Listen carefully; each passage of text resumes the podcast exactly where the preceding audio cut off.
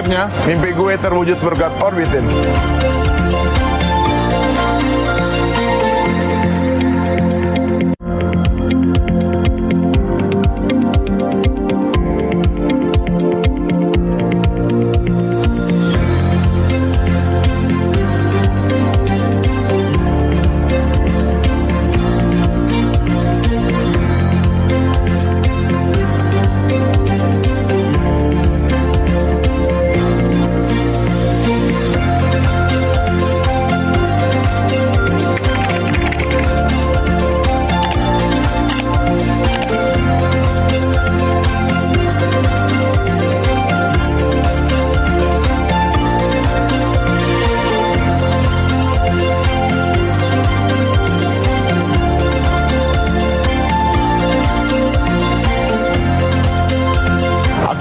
Mimpi gue terwujud berkat Orbitin.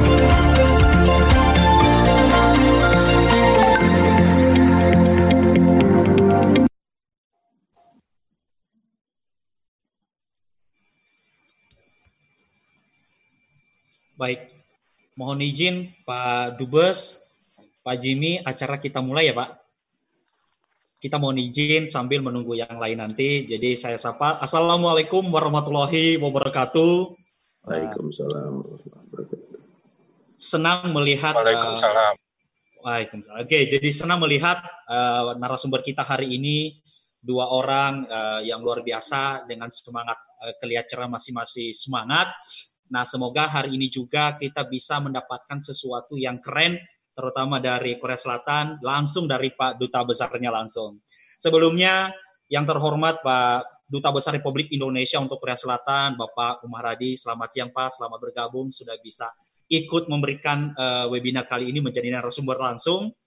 Dan founder dan CEO Orbitin Indonesia, Bapak Jimmy Gani, selamat siang Pak Jimmy.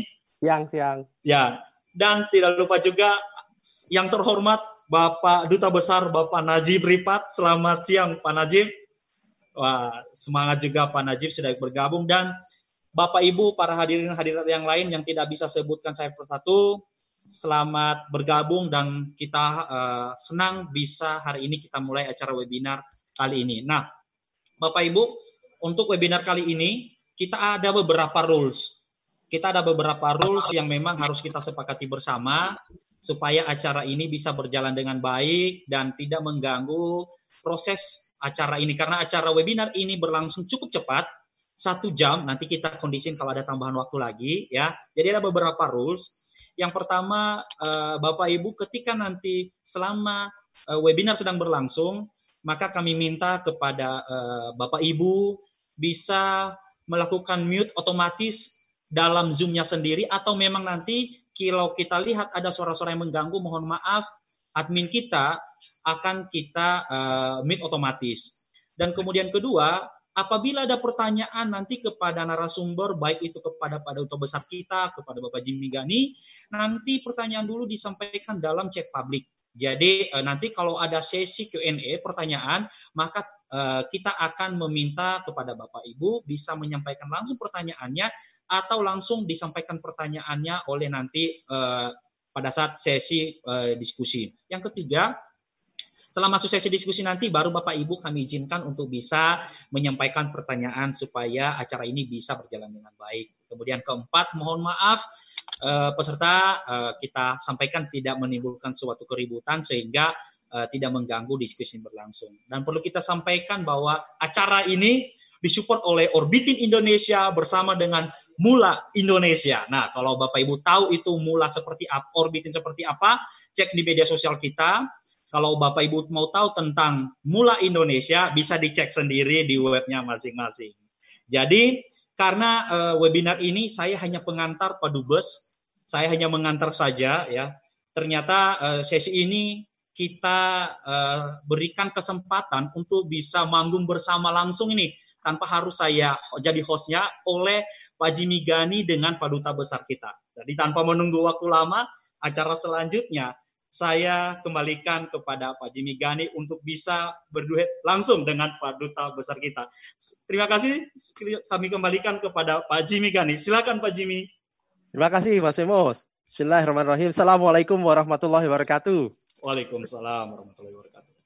Wah, terima kasih Bapak-bapak, Ibu-ibu hadirin sekalian yang saya hormati Pak Duta Besar Umar Hadi. Ini luar biasa senior saya, kakak saya, orang yang saya kagumi lah gitu ya. Dan juga di sini ada Pak Duta Besar Najib Rifat juga. Selamat bergabung Pak Duta Besar Najib. Saya lihat banyak teman-teman, mohon maaf satu tidak bisa saya sapa satu persatu.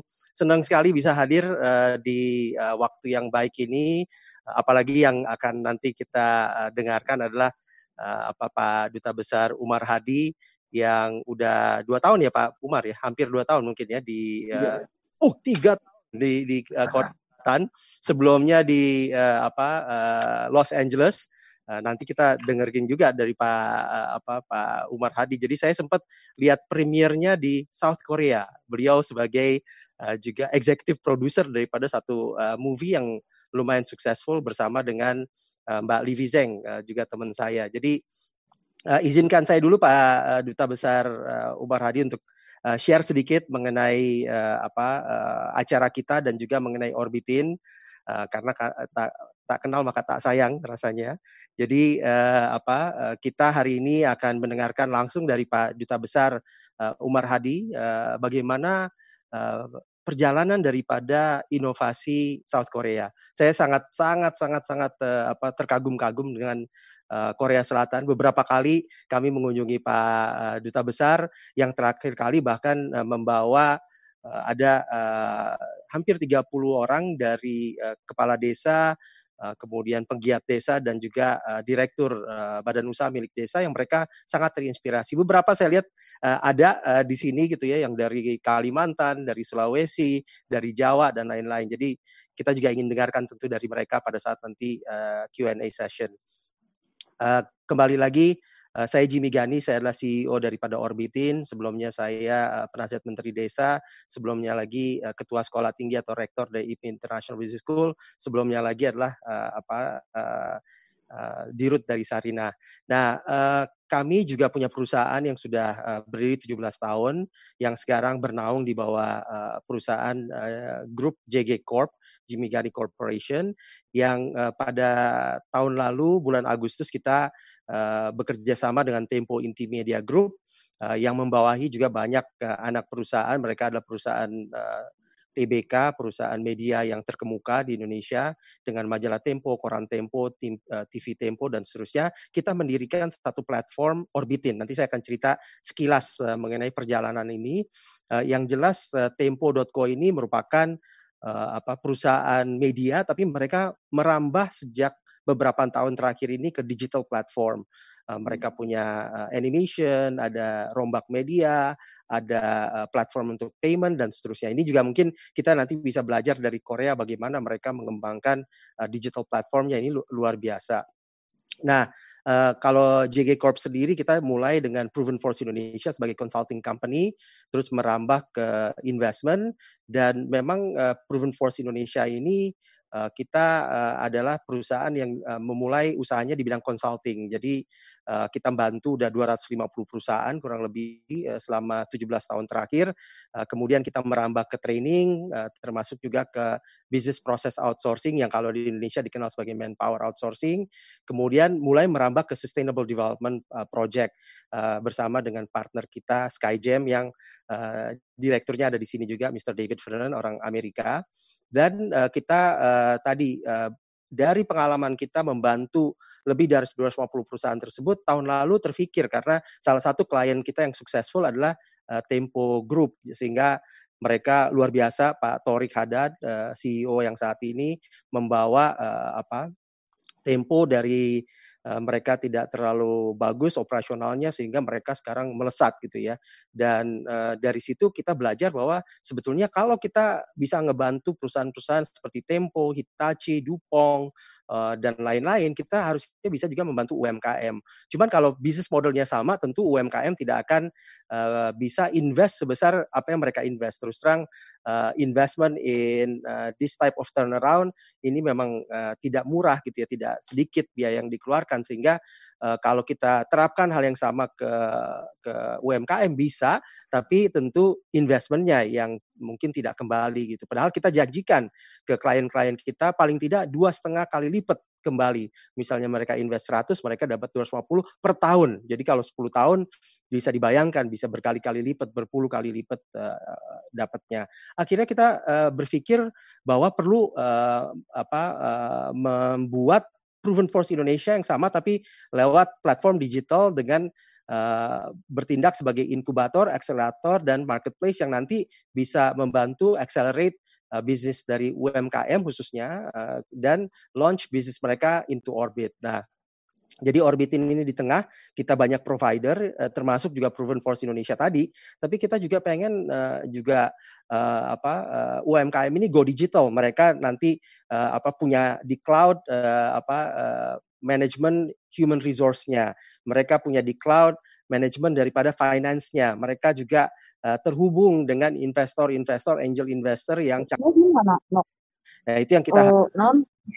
Nah, uh, kemudian uh, hari ini kita uh, beruntung sekali uh, karena uh, apa?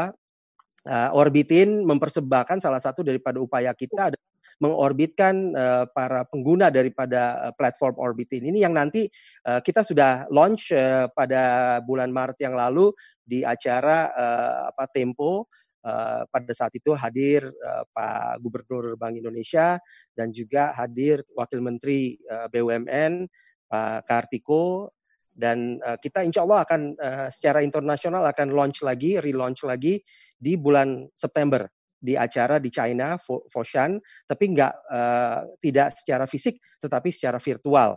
Nah, nanti Indonesia akan diwakili oleh kita bersama dengan ekosistem yang kita bangun. Nah, ini uh, kita uh, ingin tentunya perusahaan-perusahaan UMKM itu juga punya kesempatan untuk go internasional. Makanya beberapa minggu terakhir ini kita menyelenggarakan juga Ambassador Talk yang kita harapkan Ambassador Talk ini nanti membuka cakrawala pengetahuan teman-teman uh, UMKM dan lain-lain untuk mereka uh, melihat apa aja nih peluangnya di negara tersebut. Nah, harapannya Pak Dubes nanti kita bisa tindak lanjuti dalam sebulan ke depan, kita tindak lanjuti nanti uh, atasi perdagangannya, kemudian uh, koordinator uh, bidang ekonominya, ini bisa tampil untuk memberikan gambaran tentang peluang-peluang yang ada itu lebih segmented, lebih fokus. Kalau sekarang lebih pembelajaran untuk banyak orang. Saya rasa itu apa sekilas. Nah, hari ini kita kedatangan duta besar yang luar biasa yang saya kenal apa sudah lama dan luar biasa beliau ya salah satu apa diplomat senior saat ini dan juga uh, beliau sudah berkiprah lama uh, dan sudah berhasil dari muda gitu ya. umur 30-an aja udah jadi direktur. Padahal di di apa dia perlu saya tahu karena ayah saya di sana urut kacangnya tuh sangat-sangat erat gitu. Dan uh, beliau bisa menembus kemudian dari Los Angeles langsung pindah jadi duta besar dari konjen ke duta besar ini luar biasa gitu ya uh, apa uh, kiprah beliau. Tentu juga uh, apa kita lihat juga bagaimana beliau bisa convince Pak Jokowi untuk datang ke Korea Selatan dan menjadikan partner yang strategis. Ini saya rasa tidak terlepas dari uh, tangan dingin dari Pak Duta Besar. Jadi saya rasa uh, sekedar uh, introduction itu nanti kita dengarkan sendiri langsung dari Pak Duta Besar uh, Korea Selatan uh, yang uh, itu bagus banget belakangnya apa uh, uh, uh, ya Gebyoknya tuh saya inget banget gitu. Kalau dimainin di film uh, di Bali Beach kan, Beach of Bali itu wah keren banget gitu. Selamat siang Pak Dubes. Selamat siang Pak Jimmy, apa kabar? Alhamdulillah. Ini teman-teman banyak nih yang dari uh, apa uh, dari perguruan tinggi, ada yang dari uh, apa uh, dari Kemlu, ada yang juga ex duta besar, ada yang dari akademisi, uh, banyak jadi teman-teman yang yang hadir di sini baik di Zoom maupun juga di uh, YouTube mau mendengarkan Pak Dubes ceritanya. Silakan Pak Dubes.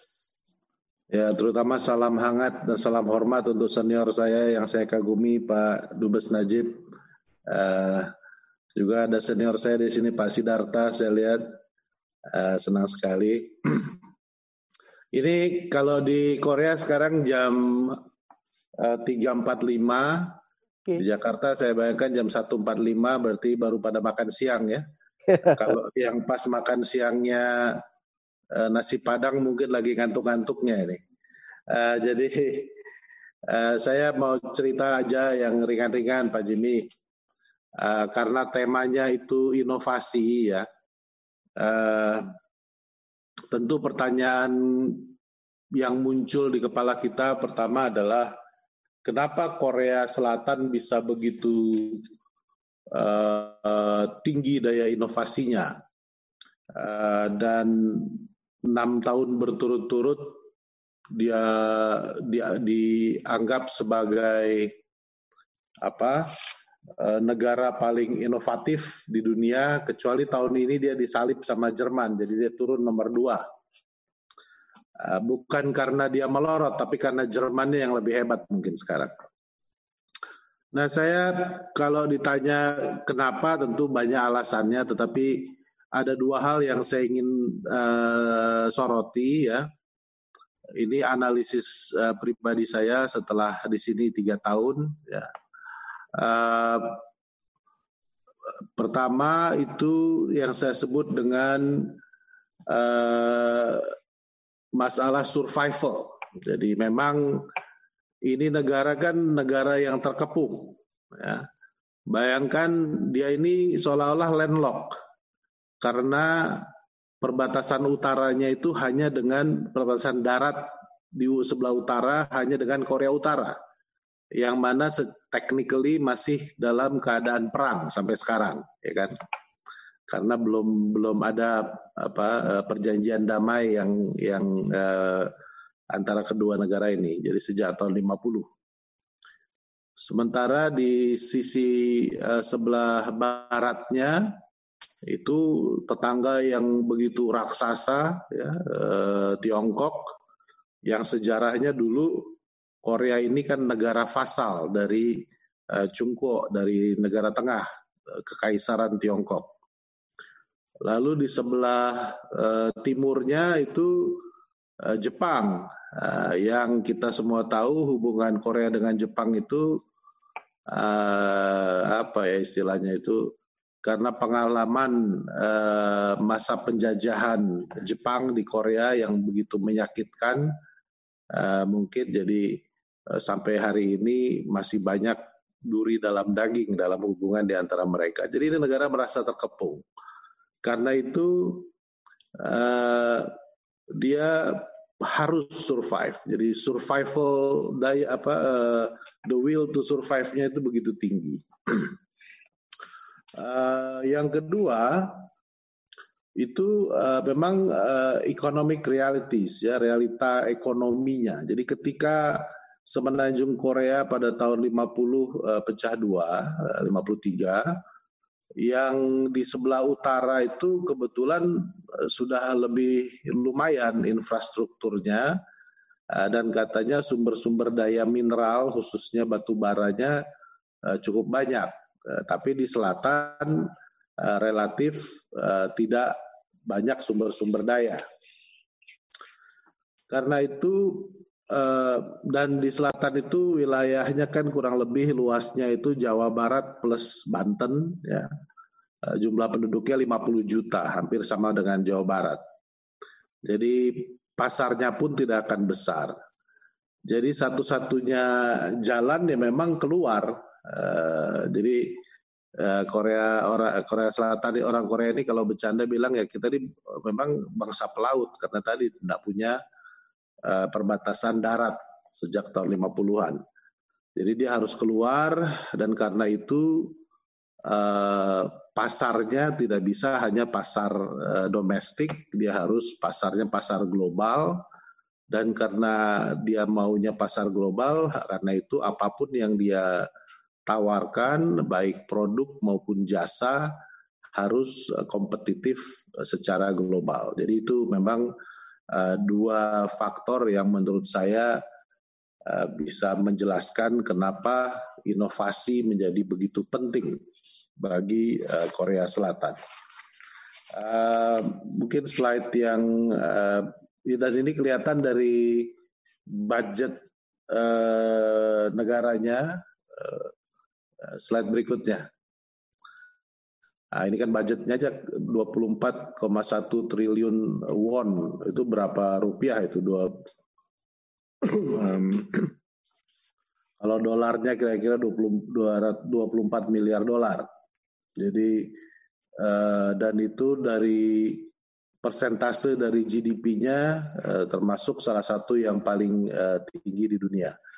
Tetapi dari tahun 2020 misalnya budget uh, pemerintahnya 24,1 triliun uh, won, tetapi secara keseluruhan secara nasional uh, uang yang dideploy untuk R&D activities itu sampai 85,7 uh, triliun won. Artinya Nah, ini peran private sector. Jadi perusahaan-perusahaan swasta sekarang lebih besar andilnya dalam kegiatan riset uh, di Korea Selatan. Dari jumlah researchernya pun kelihatan. Dari 514.170 orang uh, tenaga riset di Korea Selatan, 71,6 persennya itu di perusahaan-perusahaan swasta. Dan juga yang menarik sudah 100 ribu lebih researcher perempuan. Karena kalau uh, secara tradisional peran perempuan di Korea Selatan memang baru-baru uh, ini aja uh, mulai muncul. Nah ini saya pernah mengunjungi di Magok kurang lebih 30 menit dari Seoul itu ada LG Science Park. Jadi semua divisi riset eh, LG Group ya, mulai LG Chemicals, LG Electronics, macam-macam itu dikumpulkan di satu kompleks. Jadi kota baru, Magok Uh, apa infrastrukturnya aja udah luar biasa modern, uh, smart building, uh, energi bla bla pokoknya mengagumkan sekali dan di situ bekerja 17.000 researchers. Uh, dan ketika saya tanya yang PhD berapa orang, ya semuanya PhD katanya. Dan targetnya pada tahun 2022 menjadi 22.000 orang researchers. Ya, terus saya juga pernah mengunjungi uh, Samsung Research Center. Uh, dia masih agak ketinggalan sekarang, bangunannya lebih tua ya tapi lebih duluan ya, di situ 10 ribuan researchers. Tapi Samsung itu terpisah-pisah uh, research centersnya dan kalau nggak salah keseluruhan jumlah researchers di grupnya Samsung itu sampai 25 ribu 25 ribu orang. Ya. Saya juga pernah kunjungi di dekat Seoul juga di provinsi Gyeonggi itu ada Pangyo Techno Techno Valley yang didesain menjadi Silicon Valley-nya Korea, ya kan? Jadi perusahaan-perusahaan uh, apa digital uh, yang baru-baru itu banyak di sana, Kakao, Nexon dan sebagainya. Yang menarik itu kalau pada doyan ramennya Korea merek Samyang, nah, itu Samyang juga kantornya di Pangyo itu, uh, karena dia uh, mau bikin ramen yang rasa digital. Nah, uh, jadi apa? Uh, dengan infrastruktur yang sedemikian rupa dan sekarang perusahaan-perusahaan yang komitmennya uh, pada research dan development begitu tinggi karena untuk survival perusahaan-perusahaan itu juga bayangkan kalau Samsung yang sekarang sebagai produsen uh, semikonduktor terbesar di dunia ya, Samsung itu menguasai uh, pangsa pasar terbesar dari semikonduktor kalau dia tidak kuat risetnya ya bisa kesusul lagi sama yang lain kan. Kan Samsung ini uh, Korea ini kan menyusul Taiwan. Tadinya kan Taiwan merajai pasar uh, semiconductor. Uh, sekarang dia karena risetnya dia bisa ambil alih ya kalau dia meleng ya uh, kalau dia diam saja uh, apa bisa disusul lagi sama Taiwan atau sama Tiongkok ya. Jadi memang riset Eh, inovasi itu satu kebutuhan untuk survival.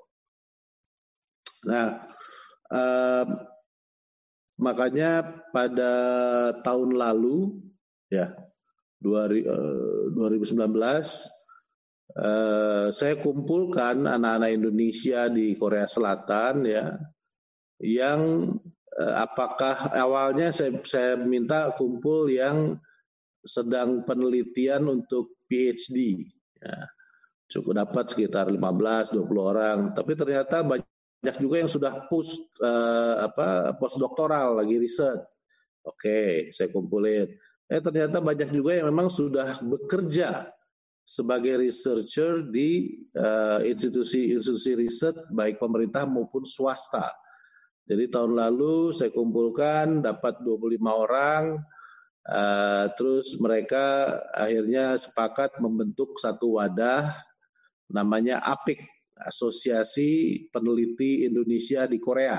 Nah, uh, saya pesan pesan saya tuh ya udah kerja aja dulu di Korea di pusat-pusat risetnya tapi nanti eh, pada waktunya rame-rame bantu eh, pemerintah Indonesia untuk membangun eh, pusat-pusat riset di Indonesia. Jadi pada waktu Bapak Presiden eh, berkunjung ke Korea di Busan bulan November yang lalu dalam rangka ASEAN Summit, eh, saya temukan Bapak Presiden dengan eh, para anggota APIK ini Uh, mereka berbincang-bincang cukup lama pagi-pagi dan akhirnya uh, sudah terbentuk semacam jalur komunikasi khusus antara BRIN ya Badan Riset apa BRIN itu Menristek dengan mereka sehingga sekarang konsep-konsep eh, bagaimana perguruan tinggi harus dibentuk supaya mendorong riset eh, riset dan sebagainya banyak sudah dikomunikasikan ke Jakarta. Jadi sekarang cukup aktif teman-teman di APIK ini dan anggotanya sekarang ternyata sudah 200-an orang. Jadi dari tadinya dikumpulin cuma dapat 25 30 orang, sekarang kemarin saya tanya oh udah 200 orang. Ya, syukur alhamdulillah. Mudah-mudahan bisa cepat Eh, menularkan uh, kultur riset dan inovasi dari Korea Selatan ke Indonesia. Nah, bagian berikutnya saya ingin menceritakan sedikit bagaimana inovasi itu justru uh, mem sangat membantu uh, dan sangat uh, krusial dalam penanganan wabah COVID. Karena ini kan supaya relevan kita harus ngomong COVID-19 dan kita tahu uh, Korea Selatan ini salah satu negara yang dianggap uh, paling cepat dan paling berhasil ya uh, dalam penanganannya tanpa menggunakan cara-cara yang apa namanya atau dalam dengan cara lain saya bisa katakan dengan cara-cara yang menjunjung tinggi nilai-nilai dan prinsip-prinsip demokrasi ya tidak ada lockdown, tidak ada penggunaan militer, uh, tidak ada pemaksaan, ya semuanya dilakukan dengan eh, cara-cara yang sangat uh, baik, manusiawi, dan menurut saya membuktikan apa kekuatan dari pemerintahan Korea Selatan sebagai demokrasi yang sudah matang, ya. Jadi uh, yang pertama itu inovasi dari sisi uh, legislasi dan kelembagaan. Jadi kalau kita bicara inovasi uh, tidak harus uh, sorry yang sebelumnya uh, apa namanya, nah, tidak harus melulu berbentuk teknologi kan, tetapi regulasi uh, apa institusi pemerintahan dan sebagainya itu justru hal yang sangat krusial dalam penanganan berbagai uh, masalah atau isu yang dihadapi oleh rakyat kita. Jadi undang-undang mengenai uh, penanganan uh, penyakit menular di Korea Selatan itu sudah ditetapkan cukup lama, uh, ber berulang kali di apa direvisi dengan inovasi-inovasi baru Eh, karena pengalaman mereka dalam apa dalam uh, menghadapi wabah-wabah penyakit sebelumnya. Jadi dalam undang-undang ini uh, respon sistem pemerintah kepada satu kejadian luar biasa penyakit menular itu cepat sekali dan sudah otomatis. Dan di pusat dari sistem ini yang disebut dengan Center for uh, CDC ya Center for Disease Control and Prevention jadi KCDC itu yang warna merah di tengah. Inilah institusi yang menjadi pusat dari penanganan wabah ini. Jadi uh, semua baik secara vertikal maupun horizontal semua institusi pemerintahan yang harus mendengar pendapat yang berdasarkan data dan science yang dikeluarkan dari KCDC ini. Jadi itu uh, inovasi uh, legislasi yang ter, yang terus menerus dikembangkan, disempurnakan uh, berdasarkan uh, jadi data driven innovation. Uh, yang kedua, uh, slide berikutnya yang sangat menarik itu memang emergency broadcasting service. Dan ini emergency broadcasting service melalui handphone ini bukan karena COVID, tapi sebelumnya memang sudah ada, sudah beberapa tahun di deploy ya. Uh, jadi uh, sangat efisien dalam menyampaikan berbagai peringatan kepada uh, kepada rakyat, kepada masyarakat. Jadi sekarang ini lagi karena hujan terus menerus sudah dua minggu, karena ada typhoon, jadi beberapa daerah mengalami banjir, sungai meluap, uh, ada tanah longsor, jadi kita sering dapat sekarang uh, alert ya mengenai banjir. Tapi juga mengenai penyebaran COVID kita selalu ada alertnya.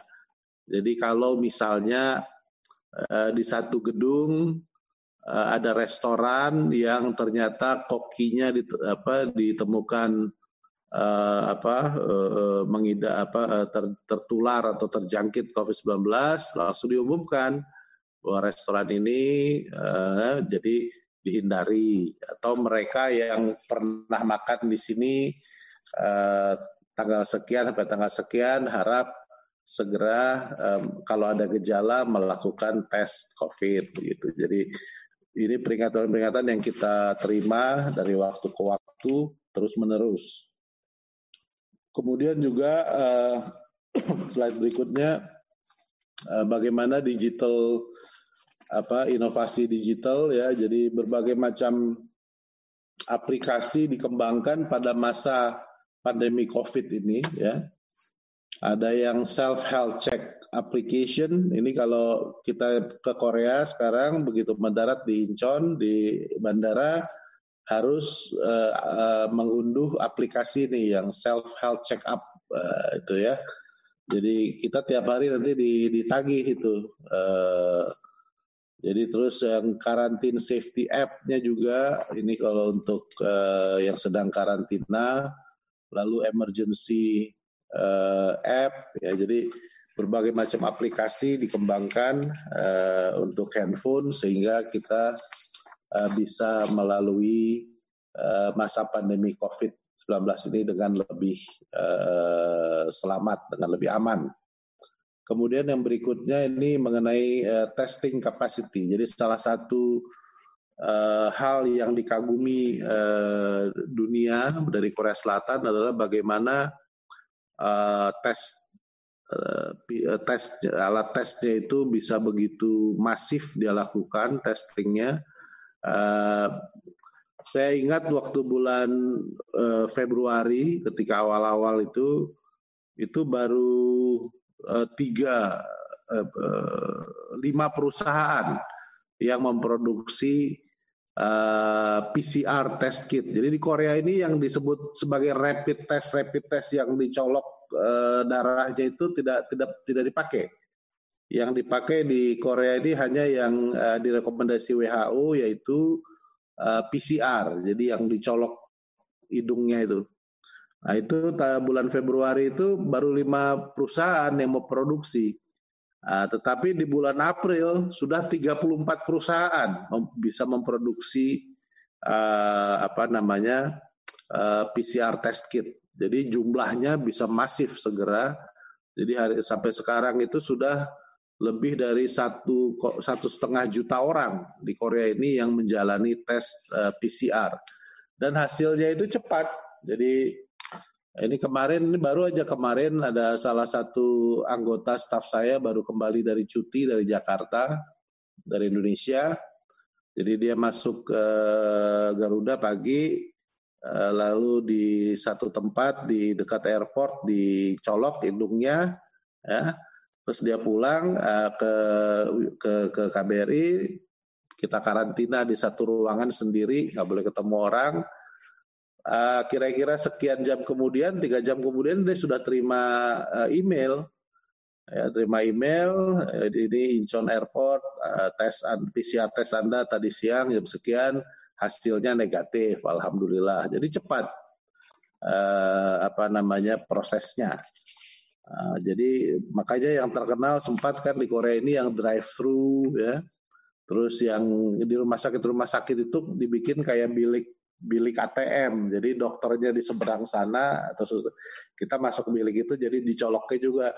Jadi tidak ada sentuhan fisik uh, dari jadi ini inovasi berkembang uh, setiap hari ya. Selalu ada hal-hal baru yang uh, menarik. Nah, berikutnya terakhir bagaimana di post Covid ya.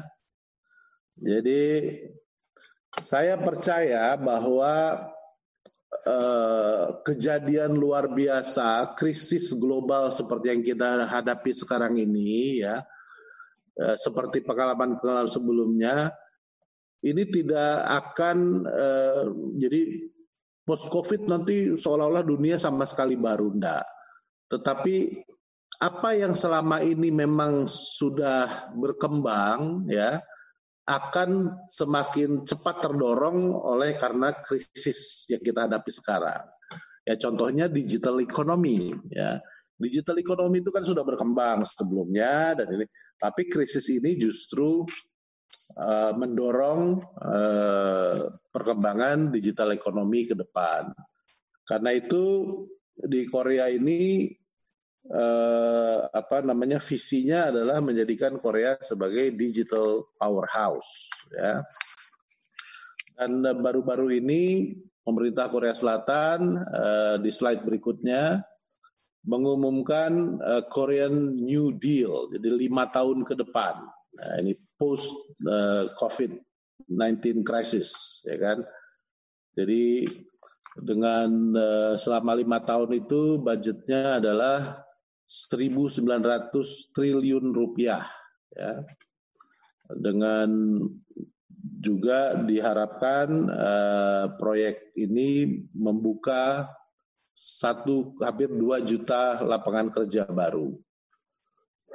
Nah, dalam Korea New Deal uh, ini ada tiga uh, tiga uh, bagian. Yang pertama digital New Deal, jadi saya baru selesai baca satu terbitan pemerintah Korea itu uh, Korean National Strategy for Artificial Intelligence ya AI itu sudah rinci sekali. Sampai berapa pekerjaan yang terkait dengan AI berapa orang yang akan dididik uh, khusus uh, di bidang AI dan sebagainya, sebagainya. Rinci sekali itu uh, apa strategi AI nasionalnya itu. Uh, jadi dan juga infrastrukturnya ya seperti 5G uh, commercial 5G itu sekarang Korea saya kira paling cepat perkembangannya. Memang tidak sebesar yang dari China Huawei tapi yang SK uh, Telekom dan satu lagi saya lupa itu justru uh, secara realistis perkembangannya terus-menerus uh, terjadi hampir setiap hari kita bisa rasakan uh, perbaikan dari uh, 5G uh, di Korea. Yang elemen kedua dari Korean New Deal itu green. Uh, jadi tek, uh, uh, ekonomi yang ramah lingkungan. Nah, ini jadi seperti komposisi sumber energinya akan ditransformasikan carbon footprintnya dan sebagainya uh, ini justru didorong uh, ekonomi Korea Selatan menjadi ekonomi yang carbon neutral ya. Dan yang terakhir itu social safety net. Jadi karena mereka sudah menyadari bahwa ketika digital economy didorong ada otomasi maka memang ada orang-orang ya yang menjadi useless tidak punya eh, apa-apa untuk uh, berkontribusi dalam ekonomi yang baru ini dalam digital ekonomi. Jadi memang jadi pemikiran seperti misalnya universal uh, basic income ya di Korea Selatan ini juga sedang dikembangkan karena dengan transisi teknologi atau disrupsi teknologi maka uh, diperkirakan uh, cukup banyak atau ada kelompok-kelompok uh, orang yang kehilangan pekerjaan. Jadi ini ini rinciannya dari Korean New Deal.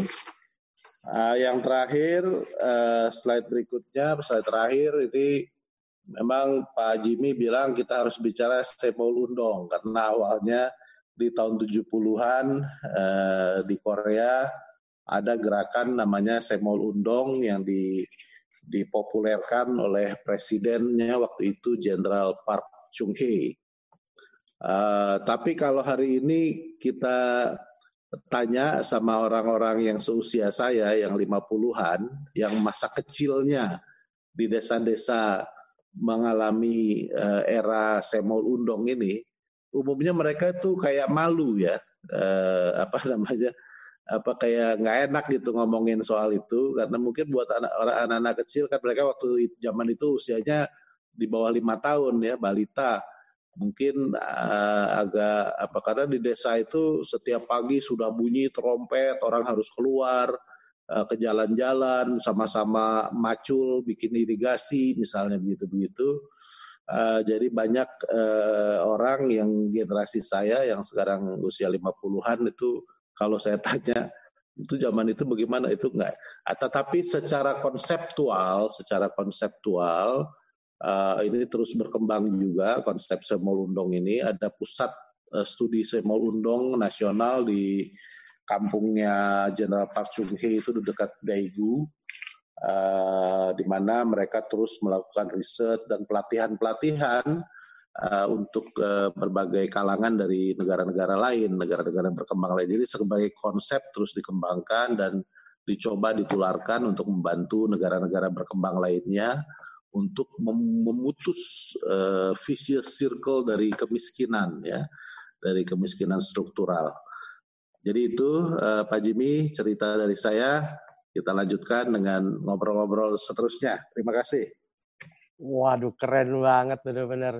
Jadi menarik sekali ya karena Korea ini kan dimulai uh, dengan uh, tadi rasa uh, percaya diri karena di, di surround oleh uh, yang mereka anggap mungkin musuh-musuh gitu ya, termasuk Jepang yang begitu vicious, begitu kejam gitu kan pada zaman penjajahan. Sehingga survival mereka uh, apa survival behavior mereka memainkan peran yang luar biasa untuk bisa uh, tadi ada di Samuel Undong kita lihat uh, diligence, self help sama cooperation. Jadi mereka mengandalkan diri sendiri yang yang juga tentunya menjelaskan betapa mereka misalnya mobil ya Pak Adubes kan di sana kan saya lihat semua hampir semua mobil itu uh, apa uh, kalau nggak Kia kemudian apa uh, Daewoo ada uh, pokoknya mobil-mobil Korea lah gitu jarang sekali gitu kan mobil-mobil uh, apa uh, asing gitu. Misalnya BMW atau Mercy gitu. Kecuali mungkin Pak Dubes gitu ya. Lain lah. Gitu. Itu ada rasa nasionalisme sendiri juga ya Pak Dubes ya? Untuk itu ya? Uh, Well, sebagian nasionalisme atau kebanggaan terhadap pro, uh, produknya. Hmm. Jadi misalnya salah satu semboyan di sini tuh yang orang selalu gunakan itu Korea First, World Best. Wah, jadi uh, harus produk Korea itu nomor satu, pilihan nomor satu, dan itu memang yang terbaik di, di dunia. Okay. Itu di satu sisi ada kebanggaan-kebanggaan yang ditanamkan untuk uh, produk-produk uh, dalam negeri ya.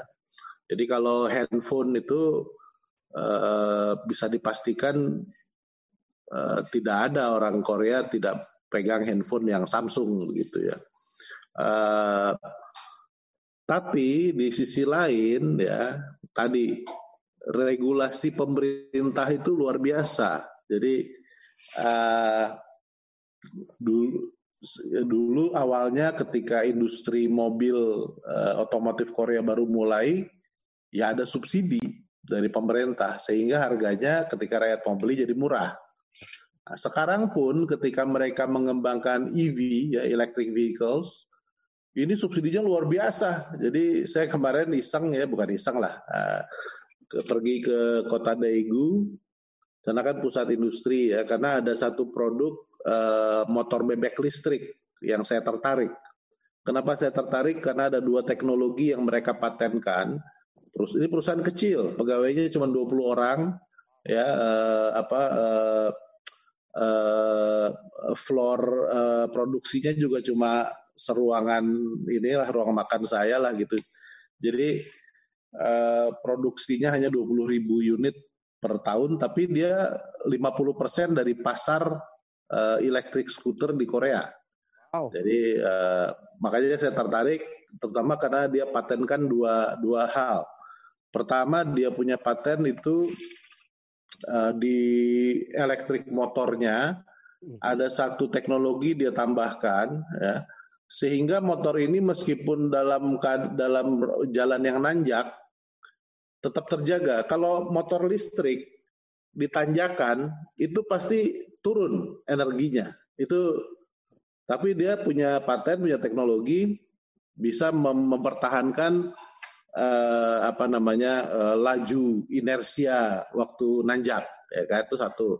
Paten yang kedua jadi roda belakang dari skuter ini atau motor bebek ini itu roda belakangnya dua dua roda, dua roda dengan independent uh, suspension. Oh. Jadi dua roda itu bergerak uh, independen ya di belakang. Jadi oh. motor ini kalau di jalan yang berlobang stabil. Oh. Ya kan? Terus kalau nikung apa di jalan becek sangat stabil. Nah, saya, saya datengin pabriknya, terus uh, saya tes tes dong, ya kan mereka bingung orang tua masih bisa naik motor ya. Kita orang Indonesia naik motor kan biasa ya. Jadi kita tes tuh nanjak masuk ke kalau di sini kan uh, apa nih uh, hutan-hutan wisata bagus-bagus kan. Iya. Tuh ya. Jadi jalan tanah tuh wah kita eh, biarin aja ditangkap polisi enggak apa-apa lah kita punya kartu duta besar kan. Jadi kita masuk enak sekali. Jadi saya bilang sama dia, yuk produksi berapa setahun sekarang? Eh, dua puluh ribu unit dia bilang. Itu pasar 50 persen lebih di pasar Korea untuk uh, skuter elektrik. Uh, yuk mau nggak bikin pabrik di Indonesia? Saya bilang kalau dua puluh ribu tuh sebulan di Indonesia laku lah saya bilang gitu karena uh, teknologi U ini kalau untuk pasar di wilayah-wilayah uh, pedesaan di Indonesia sangat cocok saya bilang nyolok listriknya murah uh, apa namanya uh, dan cocok untuk di jalan-jalan di kawasan pedesaan. Jadi anyway uh, apa namanya ini yang semangat semangat seperti ini dan si tadi pengusaha yang skuter tadi yang pegawainya cuma 20 orang produksi 20 ribu itu ternyata patentnya itu untuk teknologinya itu sudah dipatenkan di banyak negara bukan cuma di Korea termasuk di Indonesia. Jadi pikiran dia tuh udah panjang ya. Jauh ya. Ya kan? Karena memang dia tidak uh, invent produk itu untuk pasar Korea, tapi untuk pasar global. Ya, ya. Dan dan melek sekali sama meskipun ini di kampung Pak Jimmy, uh, pabriknya itu di kampung di, di Daegu, bukan, nah. bukan di bukan di kota yang keren gitu. Nah, jadi si orang ini masih cukup muda lah usia, usia eh, lebih muda dari saya. Uh, dia bilang uh, ya saya memang punya rencana gini gini gini makanya senang Pak Dubes datang katanya bisa bantu saya ya udah kita jadi uh, apa ya uh, uh, berpikirnya itu global jadi global market uh, dan you punya produk harus mengandung satu uh, inovasi yang uh, kompetitif lah gitu. Wah luar biasa. Jadi emang di sana emang udah ada di mindset mereka ya uh, innovation itu. Pak Dubes izin ini uh, uh, waktu kan tinggal sedikit. Kita boleh perpanjang ya, karena pertanyaannya kayaknya banyak nih, bakal banyak gitu. Tambah. Ya, saya, saya jam 5 harus harus pergi karena ada ada dinner jam jam 6. Oke, jadi uh, masih ada 40 menit lagi kira-kira? Oke. Okay. Oke, okay, kalau gitu uh, apa kita buka aja. Ini ada satu yang saya lihat di uh, chat ya. Pak Hairil Ansar mungkin Ansari mungkin boleh di unmute. Apa masih ada Pak? Ah. terima kasih Pak. Boleh boleh videonya dibuka juga Pak supaya kita ngelihat oh iya iya ya sorry. Baik terima ya. kasih Pak Dubes. Setiap ya. menjadi moderator nah, saya nanya saya bertanya komponen Oh ya, saya pikir moderator yang melalui moderator. Uh, Baik Pak Dubes, Pak Jimmy Gani. saya termasuk pencinta Korea nih, Korea Selatan ya. saya dari bidang apa Pak? Ilmu budaya Pak. Ilmu budaya. nah, jadi kemarin saya seminar dengan apa? UPM dengan UPSI, ya kan? Seminar internasional aspek budaya Pak. Jadi saya mengangkat contoh bagaimana Korea Selatan saat ini bisa menjual sumber daya budaya. Hmm. Nah, yang sebenarnya dia itu satu pak, jadi satu homogen mungkin etnisnya kan. Nah, mereka sudah berhasil menjual itu tadi sehingga menjadi devisa yang eh, sangat apa tinggi berupa industri industri seni, kemudian makanan, olahan gitu. Nah, saya yang di dalam ini tadi saya situ cinta Koreanya di situ, tapi tetap cinta bangsa Indonesia. Yang saya tanya tadi Pak, penanganan COVID. Nah, saya menggambarkan kemarin dalam webinar bahwasannya terjadinya COVID ini Pak seperti kondisi puka. Nah, puka itu volatilitas yang tak menentu, ketidakpastian, keambiguan, kekomplek, kekompleksan, kerumitan sehingga semuanya apa? Negara-negara Amerika yang besar Rusia dan lain-lain tidak apa. Nah akan tetapi kita bisa melihat Korea Selatan walaupun dia kecil nah tetapi dia dianggap negara yang mampu ya kan menghadapi Covid ini. Nah, pertanyaan saya tadi bagaimana cara penanganan Korea tadi?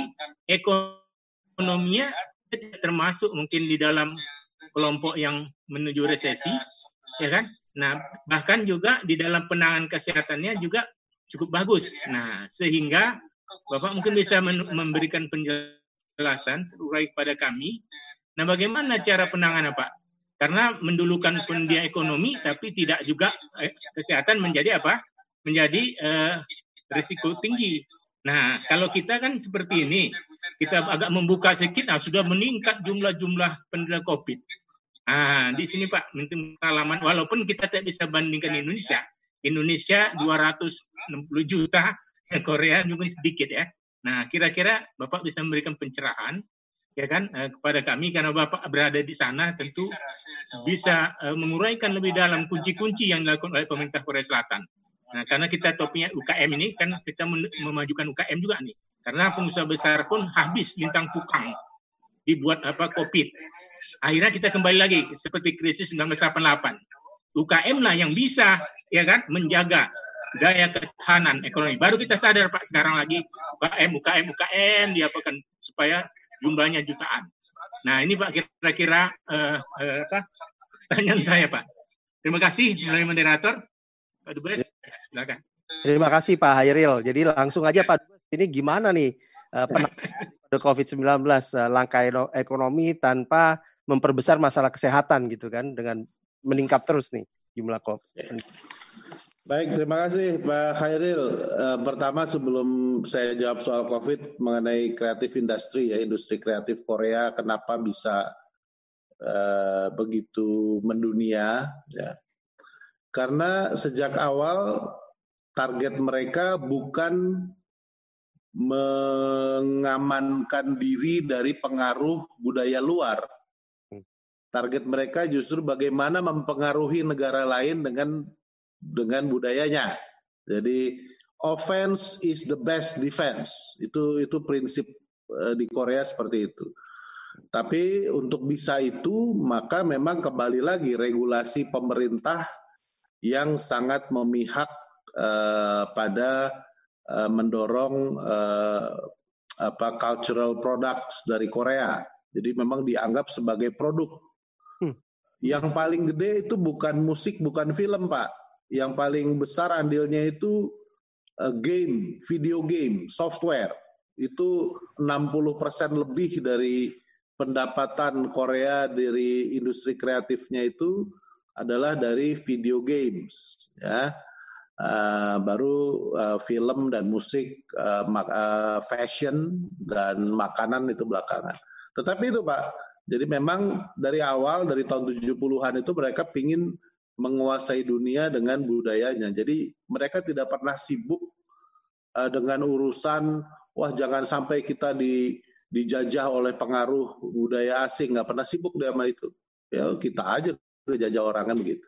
Justru uh, jadi dan dia nggak pernah nggak pernah alergi pak.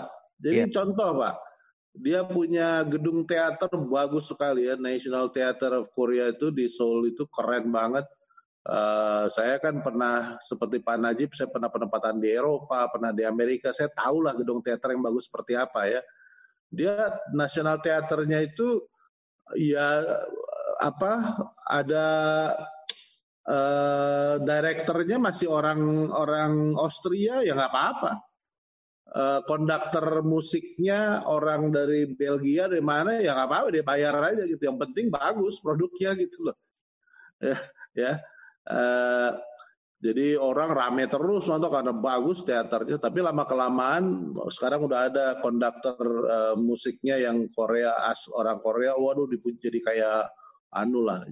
Anyway, kalau saya berkunjung ke daerah, Pak, di kabupaten atau bupatinya atau wali kotanya atau gubernurnya itu mesti kasih jamuan makan malam kan. Nah, Duta Besar Indonesia kita pasti dijamu makan malam, Pak. Nah itu dalam waktu makan malam itu pasti ada pertunjukan seni, oh. pasti. Dan itu pasti dua set. Hmm. Nah, set pertama itu pasti yang uh, apa musik uh, ya quote unquote barat lah ya. Apakah kuartet orkestra dengan lagu-lagu klasik, apakah band main lagu-lagu jazz, ya terus karena informasi sekarang sering anu ya, ada satu saat ada ada yang tahu rupanya nggak tahu bagaimana saya sukanya musik uh, lagu-lagunya band Queen itu kan. Jadi set pertama anak-anak muda dari sekolah seni setempat ya udah main beberapa lagu Queen wah saya jadi girang ikut nyanyi lah sekalian kan gitu. Tapi break set kedua mesti tradisional uh, Korean uh, music atau drama atau tari pokoknya yang tradisional tradisional Korea. Dan saya, malah saya jadi suka minta ada satu tari yang saya suka banget karena saya hobi nari itu Pak Najib tahu. Yang uh, ada satu tari Korea saya senang banget dan saya pengen belajar ini tari bangau tari bangau jadi dan ini tari ini hanya oleh laki-laki. Nggak bisa ditarikan oleh perempuan. Dan ini sangat apa religius. Isinya itu sangat religius tari ini. Jadi eh, apa bentuk gerakannya itu kayak tai chi itu loh pak yang kayak kungfu itu. Tapi pelan sekali dan wah makanya saya saya, saya lagi lagi pelajari uh, bentuknya. Nanti kita adaptasi lah jadi tari Jawa atau tari Sunda Uh, jadi ini makanya uh, namanya cultural products ya kreatif industri itu begitu dan memang sudah diperkirakan uh, akan andilnya dalam GDP akan melampaui yang manufaktur. Kalau sekarang kan masih manufaktur, 40% dari manufaktur. Tapi pada tahun 2030-an katanya nanti ya dari sektor ini digital kreatif ekonomi ini akan andilnya uh, lebih besar dalam GDP-nya. Uh, keren, keren.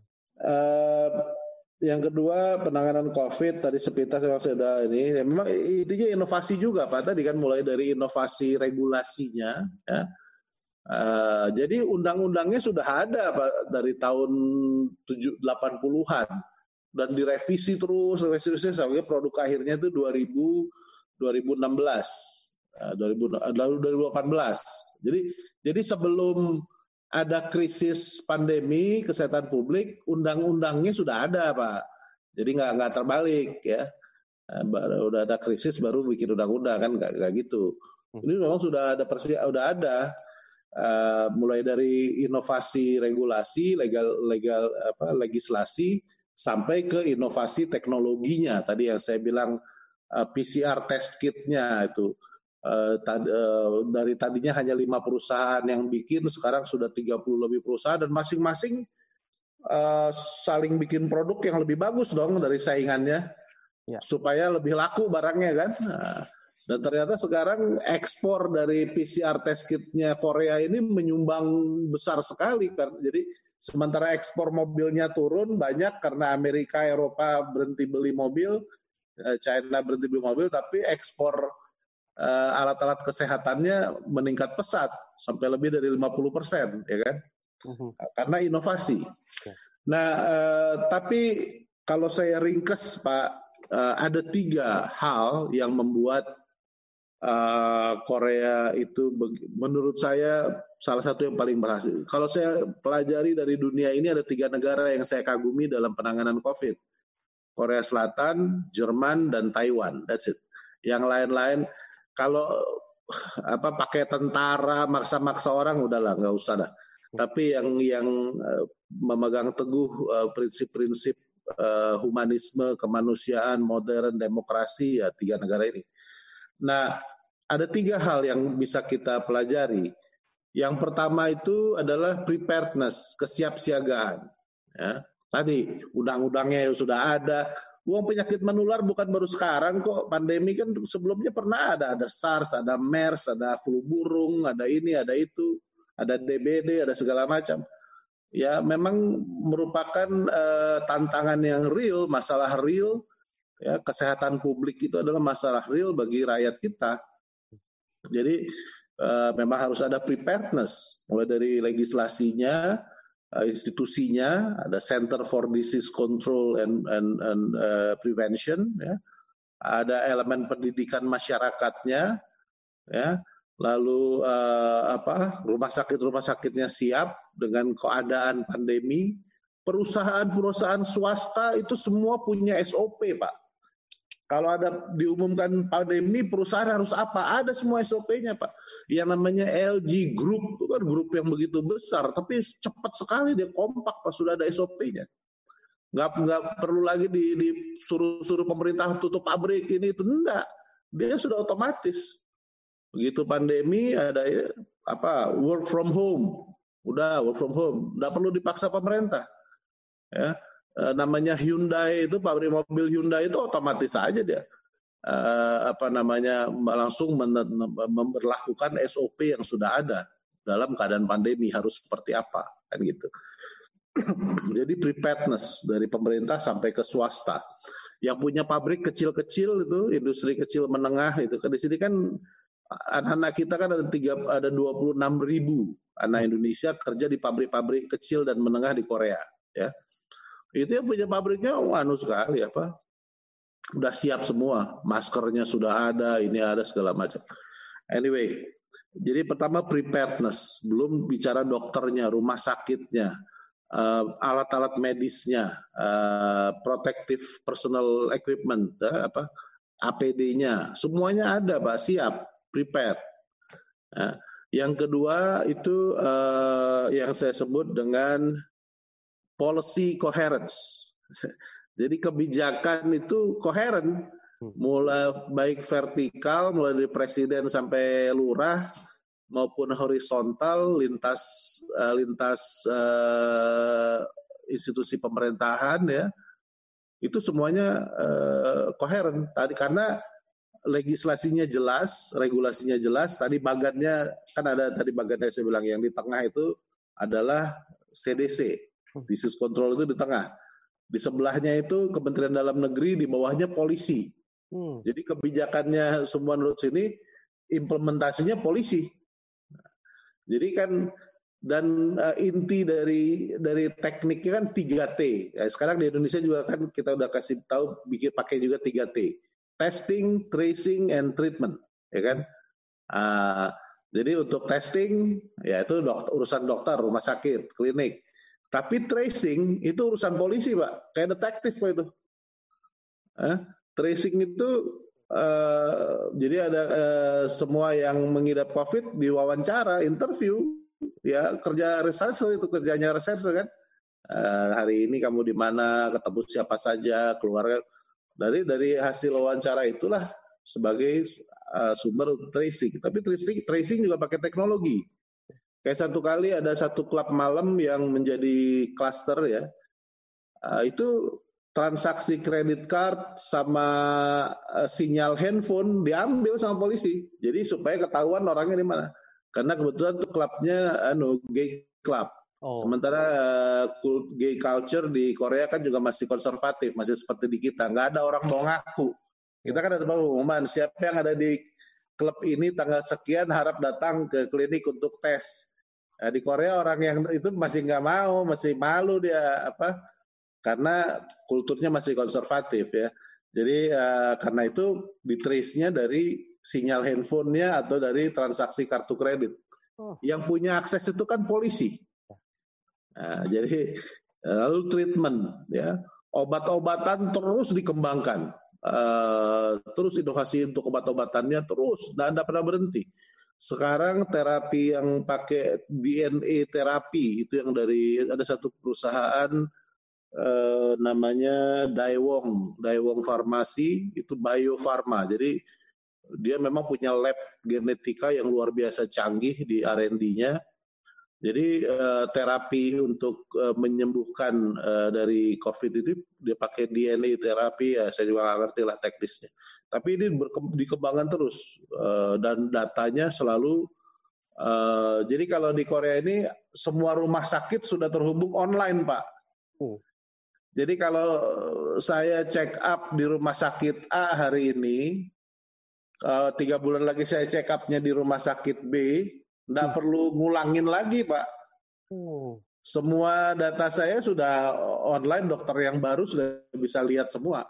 Ya, kadang-kadang saya bercanda kalau ke dokter bilang nggak saya nggak puas ini ke dokter di Korea nih kenapa? katanya. Habis dokter ngeliatnya layar komputer aja nggak pernah lihat muka saya sebelah gitu kan. Nah, jadi kalau di Indonesia kan kita bisa ngobrol dulu sama dokternya kan. Nah, gimana dok? Anaknya udah kelas berapa sekarang? Kan bisa begitu. Kalau di sini enggak ada cuma ngeliat komputer aja begini. Nah, jadi itu pak saya kira uh, nah kalau ekonominya bayangkan sudah tiga kali ya eh, APBN-nya direvisi pak, hmm. ditambah. Dan tambahannya sampai yang ketiga ini akumulatif sudah 70% dari angka awalnya. Luar biasa. Dan sekarang lagi didiskusikan di parlemen eh, tambahan yang keempat. Nah, dan angkanya semua sudah jelas. Tadi kan yang yang untuk lima tahun ke depan pun sudah di, di approve sama parlemen dan angkanya sudah ada. 1,9 berapa tuh? Kuadriliun rupiah. 1,9 kuadriliun rupiah untuk lima tahun. Itu sudah di approve nah, yang tiga sebelumnya itu uh, berapa sekian triliun? Sudah lihat. Ada saya angkanya nih. Uh, dari tiga kali penambahan APBN-nya itu 730 triliun rupiah. Oh. Yang terbagi ya untuk disaster control ya. Terus uh, eh, BLT ya. Jadi ada bantuan langsung tunai juga, Pak. Oh. Uh, cuma bedanya begini, BLT-nya itu bukan untuk rakyat miskin tapi untuk semua rumah tangga. Jadi ada 21,7 juta rumah tangga di Korea, semuanya dapat cash transfer dari pemerintah. Besarnya tergantung berapa jumlah anggota rumah tangga itu. Ya. Kalau satu anggotanya dapatnya sekitar 4 juta rupiah, 400 won, ya 5 juta perak lah, 5 juta rupiah. Kalau dua orang dalam rumah tangganya 600 won, 7 juta. Kalau tiga orang 800 won, kalau empat orang 1.200 won. Sekali transfernya itu mulai bulan uh, Mei. Oh. Ditransfer semua, Pak. Rumah tangganya presidennya pun dapat, Pak. Juga. Presidennya itu dia cuma sama istrinya berdua. Oh. Jadi dia dapat uh, eh, 600 won masuk ke uh, ke cash transfer di kartu dia. Wow. Tapi kartu apa uang itu hanya boleh dibelanjakan, kartu itu hanya bisa dibelanjakan di satu pasar rakyat. Di sini kan ada tuh Namdaemun ya. Uh, apa nih yang gitu kan ya. Pasar-pasar becek gitu kan. Yang kedua itu uh, warung-warung kecil. Yang ketiga toko-toko punya koperasi. Oh. Khususnya ada, ada dua koperasi gede di sini. Satu koperasi tani, koperasi pertanian namanya uh, Nonghyuk NH itu. NH Bank itu punyanya koperasi petani itu sama koperasi nelayan namanya uh, Suhyuk. Oh. Itu mereka punya toko-toko apa istilahnya itu uh, retail ya. Nah, itu boleh belajar. Nah, kalau tanggal 31 Agustus uangnya belum dipakai atau ada sisa, itu otomatis kembali ke kas negara. Jadi itu BLT. Nah, itu semuanya APBN, Pak. Iya. Jadi iya. itu di, di, kenapa? Karena ini yang membuat eh, apa? Orang belanja kan dan karena kan karena di warung di pasar rakyat ini kan UKM Pak. Jadi kan eh, BLT itu menciptakan eh, bayangkan itu 170 triliun rupiah ya jumlahnya tuh. 100 145 triliun rupiah. Beredar. Luar biasa. Baru. Dibelanjain. Dan itu semua uangnya masuk ke UKM menjadi apa namanya istilahnya uh, demand baru untuk produksi ya kan? Jadi makanya pada bulan uh, Juni Juli inflasinya sudah udah naik lagi kan itu ukurannya kan tadinya bulan ketekan terus tadinya kan, ketekan terus consumer consumer price indexnya ketekan terus. Bulan uh, April itu sudah minus, jadi deflasi. Iya. Tapi begitu Mei dikucurkan uang 145 triliun rupiah, ya naik lagi inflasinya. Karena UKM-UKM mulai berproduksi lagi. Jadi itu uh, apa namanya uh, secara ekonomi, jadi mereka sudah memang berat. Korea ini merasakan pukulan yang luar biasa berat karena dia 70% dari ekonominya kan tergantung pada perdagangan internasional. Ya. Jadi uh, demand maupun supply ya. Uh, tetapi uh, sekarang mitra dagang dia paling besar tuh China. Hmm. Jadi karena China kelihatannya sudah mulai bangkit, jadi dia juga ada harapan uh, untuk bangkit lagi. Tapi Amerika masih agak lama mungkin, Eropa masih agak lama, dan harapan dia berikutnya Asia Tenggara termasuk eh, Indonesia. Jadi itu Pak Khairil. Terima kasih. Wah keren Pak, luar biasa apa penjelasannya. Uh, terus ini ada satu lagi uh, apa uh, pertanyaan dari peserta nih uh, Pak Dubes. Uh, ada yang nanya, adakah peluang UMKM fashion dan craft di sana, Pak? Maksudnya dari Indonesia untuk ekspor ke Korea? Oh, iya. Ada, tetapi uh, bersaingnya uh, it's about competitive uh, competitive edge, competitive advantage. Jadi jangan harap uh, keunggulannya komparatif, karena uh, tadi kan para pelaku industrinya di Korea sendiri begitu luar biasa. Startup maupun industri anak-anak muda yang untuk fashion itu. Jadi harus yang kompetitif atau yang ambil satu apa niche market ya. Contohnya itu yang mungkin ada peluang ya muslim muslim fashion misalnya. Karena uh, tapi kecil pasarnya niche orang Korea yang Muslim itu jumlahnya hanya 30 ribuan orang. Orang Korea yang Muslim. Ya. ya, sementara orang Indonesia yang tinggal di Korea yang Muslim jumlahnya lebih banyak, mungkin sekitar 35 ribu, 36 ribu. Jadi, ya, jadi harus niche atau yang uh, kompetitifnya misalnya dari sisi uh, material. Jadi kan ini kan industri industri tekstil dan garment Indonesia dengan Korea itu sangat uh, sangat apa interconnected ya. Iya, iya. Jadi biasanya tuh uh, apa serat serat kain campuran serat kain yang chemical produknya dari Korea, ya. ya kan? Jadi kainnya di Indonesia, ya.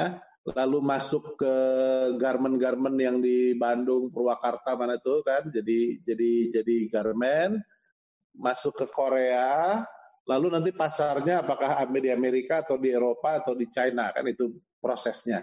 Iya. Jadi kalau yang untuk ke pasar Korea sendiri uh, memang uh, kecil, nggak nggak nggak banyak gitu. Jadi saya kira kalau fashion itu either you go for niche market. Kalau zaman sekarang kan anak-anak muda itu online ya. Uh, kalau fashion house niche itu kan macam-macam Muslim atau apa nih sekarang katanya streetwear. Yeah. Uh, Asian streetwear, whatever, atau ngambil merek yang khas ya, uh, atau yang uh, culture, misalnya batik atau apa, tapi nggak tahu saya lihat tuh batik di sini nggak begitu anu ya. Terus atau apalah cari niche yang anu. yang spesifik, tapi intinya keunggulannya harus keunggulan kompetitif, tidak bisa keunggulan komparatif. Baik Pak, jadi memang luar biasa ya Pak eh, kompetisi di sana ya karena bersaingnya tuh dengan mereka-mereka yang punya inovasi yang tinggi gitu. Jadi kita juga harus eh, inovasi, nggak bisa hanya mengenalkan uh, comparative advantage tadi. Oke, okay. uh, ini Pak uh, mungkin satu atau dua lagi karena Pak Dubes juga sebentar lagi harus jalan. Uh, Bung Beni uh, ada ini ini Bung Beni Hadrian Syahrazad. Ini menarik nih pertanyaannya. Okay. Baik, Assalamualaikum warahmatullahi wabarakatuh. Terima kasih Pak Jimmy, Pak Dubes. Di chatroom saya sempat nanya Pak, saya sempat terkesan lihat perkembangan industri Korea setelah membaca bukunya Lim Sukim, From hmm. Imitation to Innovation. Saya kira ini uh, banyak negara melakukan hal yang sama. Bedanya Korea itu mungkin uh, konsistensi dan determination tuh disiplin jadi uh, dan kalau kita mau refleksi ke Indonesia ya Pak ya saya sempat nanya juga di chatroom uh, apa yang salah dengan kebijakan Indonesia setelah kita belajar dari pengalaman yang Bapak alami sendiri di Korea? Saya termasuk yang melihat buku-buku uh, sejarah industri itu. Apa yang dilakukan Taiwan apa yang dilakukan Korea Jepang Cina. Nah Cina ini kalau kita lihat sejarah industrinya dari sejak awal itu dia udah jauh mulai uh, inovasi, bahkan sebelum jadi anggota WTO. Jadi mereka mengimpor teknologi uh, baja dari Jerman, otomotif dari Jerman, ada VW, ada Krupp dulu ya awal-awalnya ya. Nah, yang yang menurut saya rada keliru dan mudah-mudahan masih bisa dikoreksi nih. Uh, perkembangan satu negara itu sangat tergantung kepada industri baja. Semua pasti mulai dengan baja. Cina heavy steel, heavy industry ya. Jepang juga, Korea gede juga tuh, ada Mitsubishi Steel di Jepang, kemudian ada di Korea saya lupa. Tapi intinya konsisten karena dan nggak perlu wide spectrum gitu ya. Di Indonesia ini awalnya kalau kita ini sejarah nggak bisa kita balik. Saya termasuk yang sebetulnya mengidolakan zaman Pak Habibie itu, walaupun dia juga kadang-kadang terlalu lebar tuh. Dia mulai dengan apa namanya pesawat Kenapa kenapa industri besi baja itu nggak dibesarkan diproteksi dari awal? Nah, besi baja ini juga menarik, Pak. Ada perusahaan Korea kan, ada POSCO. Kemudian yang satu lagi mungkin Pak Dubes bisa membantu memfasilitasi. Indonesia ini sedang dalam proses untuk mandiri dalam hal bahan baku obat, Pak. Sudah ada joint venture dibentuk antara Samyong dengan Kimia Farma misalnya ya. Itu eh, didorong aja, Pak. Mau short term atau buat long term gitu ya Selain kita juga sudah punya vaksin dengan Bio Farma, sudah kerjasama dengan Sinovac misalnya China ya. Nah ada industri-industri yang sebetulnya dengan hubungan bilateral nih dengan bantuan Pak Dubes juga nih bisa dikembangkan nih. Yang kimia kita dengar CL Jedang, yang tadi baja ada Posko, yang eh, kimia bahan baku obat ada Samyong. Nah kalau itu tuh di, benar-benar diikuti ya ibaratnya roadmapnya di, dijalanin bener deh, nggak cuma jadi dokumen gitu ya. Kita pasti maju lah. Udah ketinggalan berapa tahun kita nih Pak. Nah itu yang saya maksud uh, mungkin dikomentari Pak Dubes. Menurut Bapak dari pengalaman tiga tahunan di Korea itu, uh, kemudian kita refleksi untuk Indonesia, apa yang kurang dengan Indonesia nih? Kebijakan apa yang masih bolong-bolong gitu ya? Itu mungkin yang uh, saya anggap teman-teman uh, yang lain perlu dengar Pak. Terima kasih Pak sebelumnya. Assalamualaikum warahmatullahi wabarakatuh. Waalaikumsalam warahmatullahi wabarakatuh. Terima kasih Pak Pak Beni. Uh, silakan Pak Dubes. Pertanyaan Baik, uh, Pak Beni. Yang pertama saya kira faktanya sampai hari ini kan kita di Indonesia, industri di Indonesia itu masih terputus dari global supply value chain. Ini fakta. Saya tidak tidak menghakimi just a fact. Yeah, we are not part or a significant part of the global value chain. Ya, jadi uh, tapi uh, saya kira ini bukan hal yang tidak bisa diperbaiki, bisa kita perbaiki. Ya, ya caranya ya jangan alergi sama uh, sama apa uh, supply chain, ya. uh, karena memang Uh, sekarang eranya kan competitive advantage, keunggulan kompetitif, bukan lagi keunggulan komparatif. harga buruh, harga tanah murah udah bukan faktor Pak zaman sekarang kan. Uh, yang jadi faktor itu adalah supply chain-nya. Jadi ketika diskusi saya dengan kan sejak 2017 itu kita diskusi dengan Hyundai ya untuk investasi Hyundai Motor Company ya. Yang menjadi hitungan utama ketika Hyundai mau buka akhirnya sekarang mau buka pabrik di Bekasi itu kan local supply value chain-nya mana? Ya. Ya, ya kan? Yang untungnya sudah ada di Bekasi juga di Delta Mas kan sudah ada Hankook Hankook Tire. Tires ya. Nah yang punya ya. kebenaran yang punya Hankook Tire itu ya sobatnya yang punya Hyundai Hyundai mobil jadi ya ikut bantu saya juga lah ngelobi dia kan sampai dia mau masuk. Terus juga tentunya kita iming-imingi dengan uh, apa prospek dari electric vehicles ya. Nah, jadi ini memang masalahnya dari uh, value chain ya uh, supply chain. Uh, lalu uh, ya industri besi baja ya. Juga saya tidak setuju Pak dengan proteksionisme Pak. Uh, menurut saya negara yang berhasil justru tidak pernah proteksi. Ya karena proteksi mengurangi daya saing Pak. Kalau dia tidak pernah uh, bertempur, tidak pernah berkelahi, mana pernah bisa terasa daya saingnya Pak.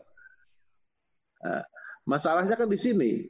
Bayangkan Pak, Krakatau Steel dengan Pohang Steel Industri Posko itu ya, uh, Posko Korea dengan itu berdiri hampir sama Pak, tahun 60 sekian, 68 atau 67 ya. Teknologinya sama Pak, dari Jerman. Nah, teknologi Jerman, kemudian tahun 70-an ditambahi teknologi Jepang. Sumber duitnya pun hampir sama. Ya apa eh, modalnya bersama.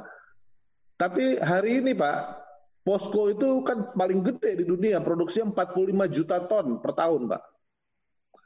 Berapa ton Krakatau Steel produksinya? Nah, maka pada tahun eh, 2000 akhirnya Posko joint venture sama Krakatau Steel, Pak.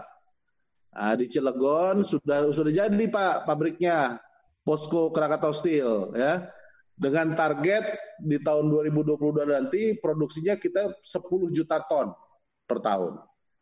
Jadi kalau Bapak main ke Cilegon sekarang Pak, kompleknya Krakatau Steel yang kebanggaan kita dulu Pak, ya pabriknya itu kotor, kumuh Pak. Sekarang udah ini ya. Sementara yang pabrik ya, baru, pabrik baru yang dibangun oleh uh, Posko Krakatau, perusahaan joint venture kita itu, Waduh, bersih, cakep, keren. Yang si furnace-nya itu aja bersih. Banyak furnace bisa bersih. furnace itu yang yang gentong gede untuk ngebakar itu loh, Pak. Iya. Eh, Bapak Sidarta ngerti itu. Masa di mana-mana pabrik namanya furnace itu mesti kotor, Pak. Tapi dia bisa bersih. Nah ini kalau saya perhatikan, anak-anak pekerja migran kita di sini kan 26 ribuan orang kerja di pabrik-pabrik Korea, Pak. Hmm. Saya suka tanya sama mereka, pagi datang kerja meskipun di operator ini operator itu, tapi pagi semuanya ngepel pak. Nggak ada cerita, mulai dari manajer sampai uh, apa ya pak itu ngepel dulu, lantai pabrik itu bersihnya luar biasa pak. Selesai uh, selesai pabrik anu kalau nggak ada apa-apa lagi itu ngepel lagi. Jadi kebersihan luar biasa. Uh, itu dua negara yang saya lihat seperti itu Korea sama Jepang kan. Pabrik-pabrik Jepang juga sama. Di kita kan kalau udah pabrik waduh uh, kotor susah lah. Nah ini uh, apa namanya memang di bidang industri manufaktur ya. Uh, tapi kita akan kejar karena tadi uh, Posko Krakatau nanti produksinya 10 juta ton per tahun Uh, lalu uh, Lotte Chemicals ya di Cilegon juga kita udah mulai bikin pabrik. Lotte Chemicals itu enam setengah miliar dolar pak investasinya pak. Dia akan produksi uh, etilen dan polipropilen ya uh, yang sekaligus nanti uh, kapasitas produksinya langsung sama dengan yang Chandra Asri. Chandra Asri kan sudah ya. puluhan tahun. Jadi dia sekali pukul langsung jadi uh, crackernya itu kapasitas crackernya itu kan paling gede di Asia Tenggara. Jadi dari nafta menjadi uh, apa dengan crackernya itu. Nah itu dan uh, Lotte juga sudah bangun pabrik ABS.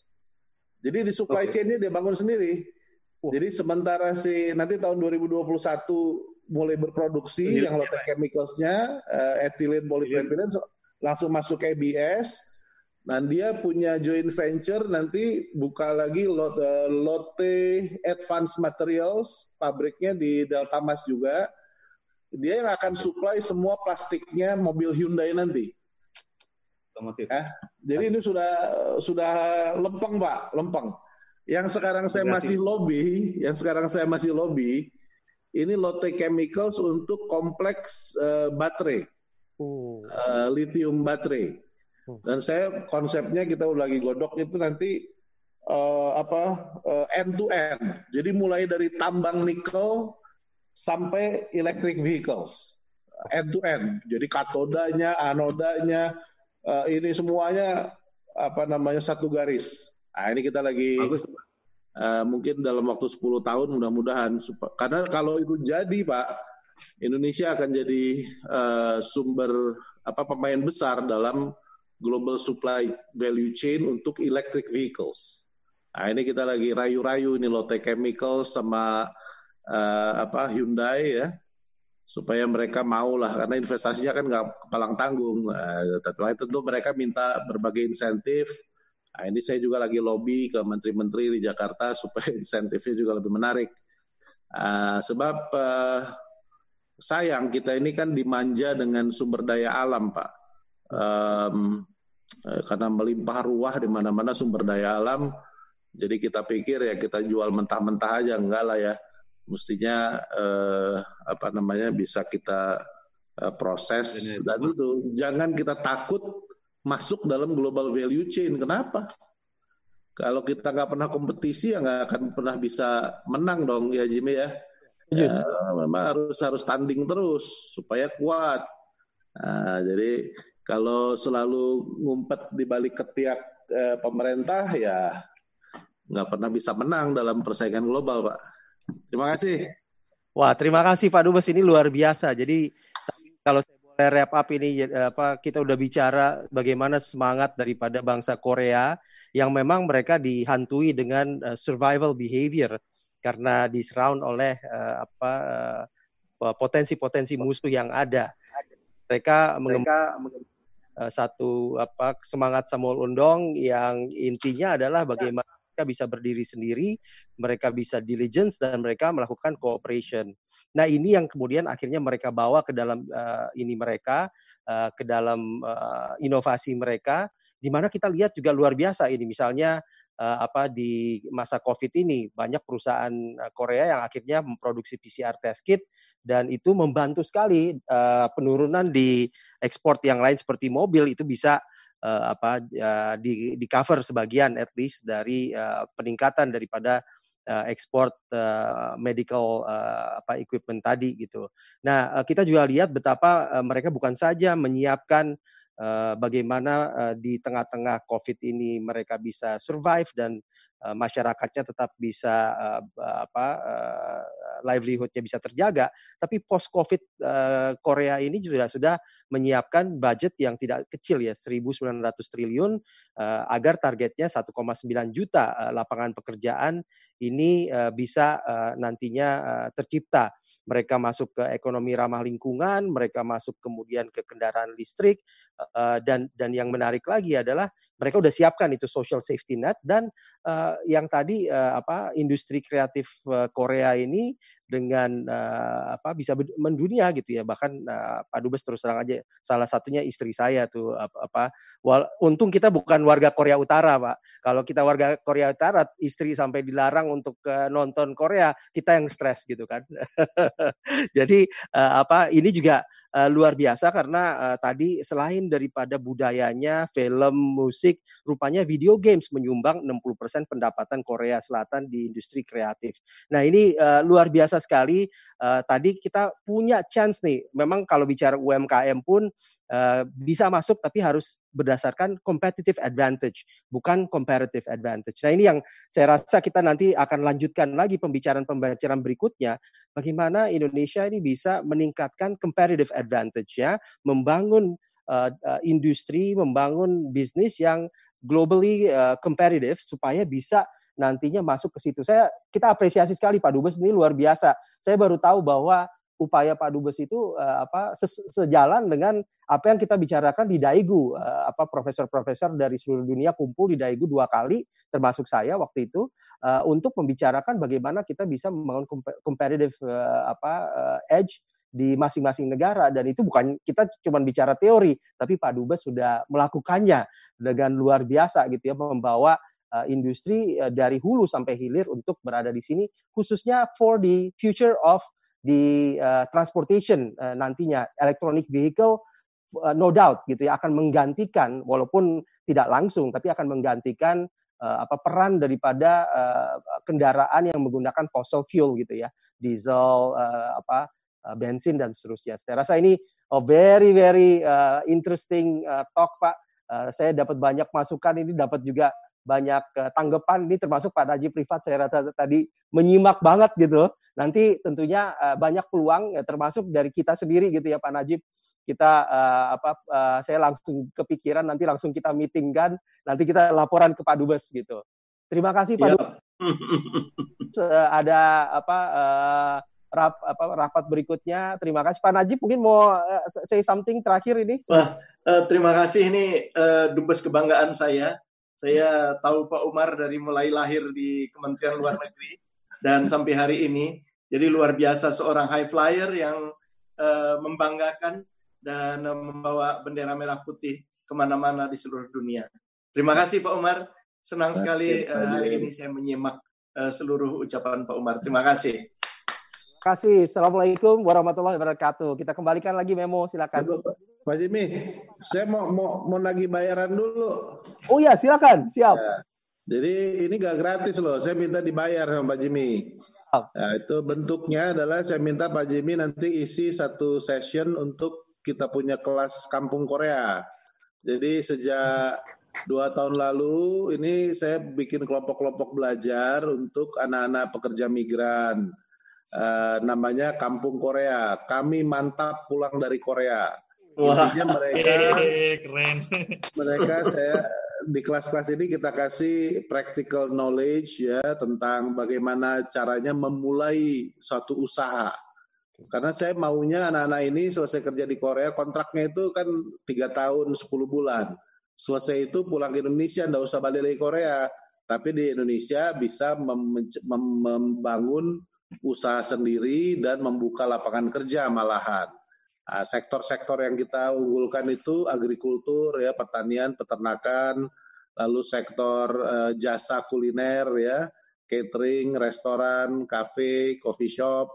Uh, tapi juga ada yang lain-lain, ada yang buka bengkel, ada yang uh, macam-macam. Jadi kalau ini nanti bayarannya dari Orbitin ya, Pak Jimmy, saya minta bicara di salah satu sesi dari kelas Kampung Korea. Terima kasih Pak Jimmy. Siap, terima kasih Pak Dubes. Ya, silakan Memo. Kalau Pak Dubes harus di jalan duluan, silakan Pak. Sebelumnya uh, senang banget Pak Dubes dan bu, bu, mungkin yang Bapak Ibu yang uh, bisa memberikan aplaus kepada Pak Dubes. Kita beri aplaus banget, thank you banget Pak Dubes. Dan uh, mohon maaf kepada Bapak Ibu yang pertanyaannya tidak bisa dijawab. Mungkin nanti pertanyaan selanjutnya bisa gabung di acara yang tadi disampaikan Pak Dubes kita tunggu acaranya Pak, nanti kita akan bantu share. Mudah-mudahan yang hadir hari ini ketika Pak Jimmy mengisi acara itu, yang hadir hari ini pun bisa juga ikut di dalam uh, sharing itu. Sekali lagi terima kasih Pak Dubes. Mungkin Pak Dubes bisa menyesuaikan waktu karena ada mohon maaf kita sampaikan Pak Dubes ada acara next selanjutnya jadi tidak bisa stay di tempat. Nah, buat Bapak Ibu yang lagi bertahan, kita infokan bahwa terima kasih sudah bergabung di acara kita. Kita juga infokan Bapak Ibu kita akan ada acara tanggal 26 yang the big besar sekali di mana kita akan fokus membahas tentang transformation and digitalization Indonesia merdeka 75 tahun. Indonesia ini seperti apa sih setelah kita merdeka 75 tahun? Maka kami sampaikan kepada Bapak Ibu, pembicara kita ada Pak Torik Hadat, CEO daripada Tempo, ada Pak Jimmy Gani, founder and chairman dari Jacob NPFI Group, dan juga ada Bu Desi Bahir, Chief Marketing Officer Samara Media and Entertainment, dan ada Pak Ahmad Sugiyato, Direktur Strategi Portofolio PT Telkom Indonesia TBK. Jadi stay tune, tetap lihat Instagram kita, tetap lihat media sosial kita, dan jangan lupa segera untuk bergabung kalau kita sudah buka pendaftarannya. Demikian acara webinar hari ini Bapak Ibu, kami sampaikan terima kasih dan saya tutup wabillahi taufiq Wassalamualaikum warahmatullahi wabarakatuh. Selamat sore semuanya. Terima kasih Bapak Ibu.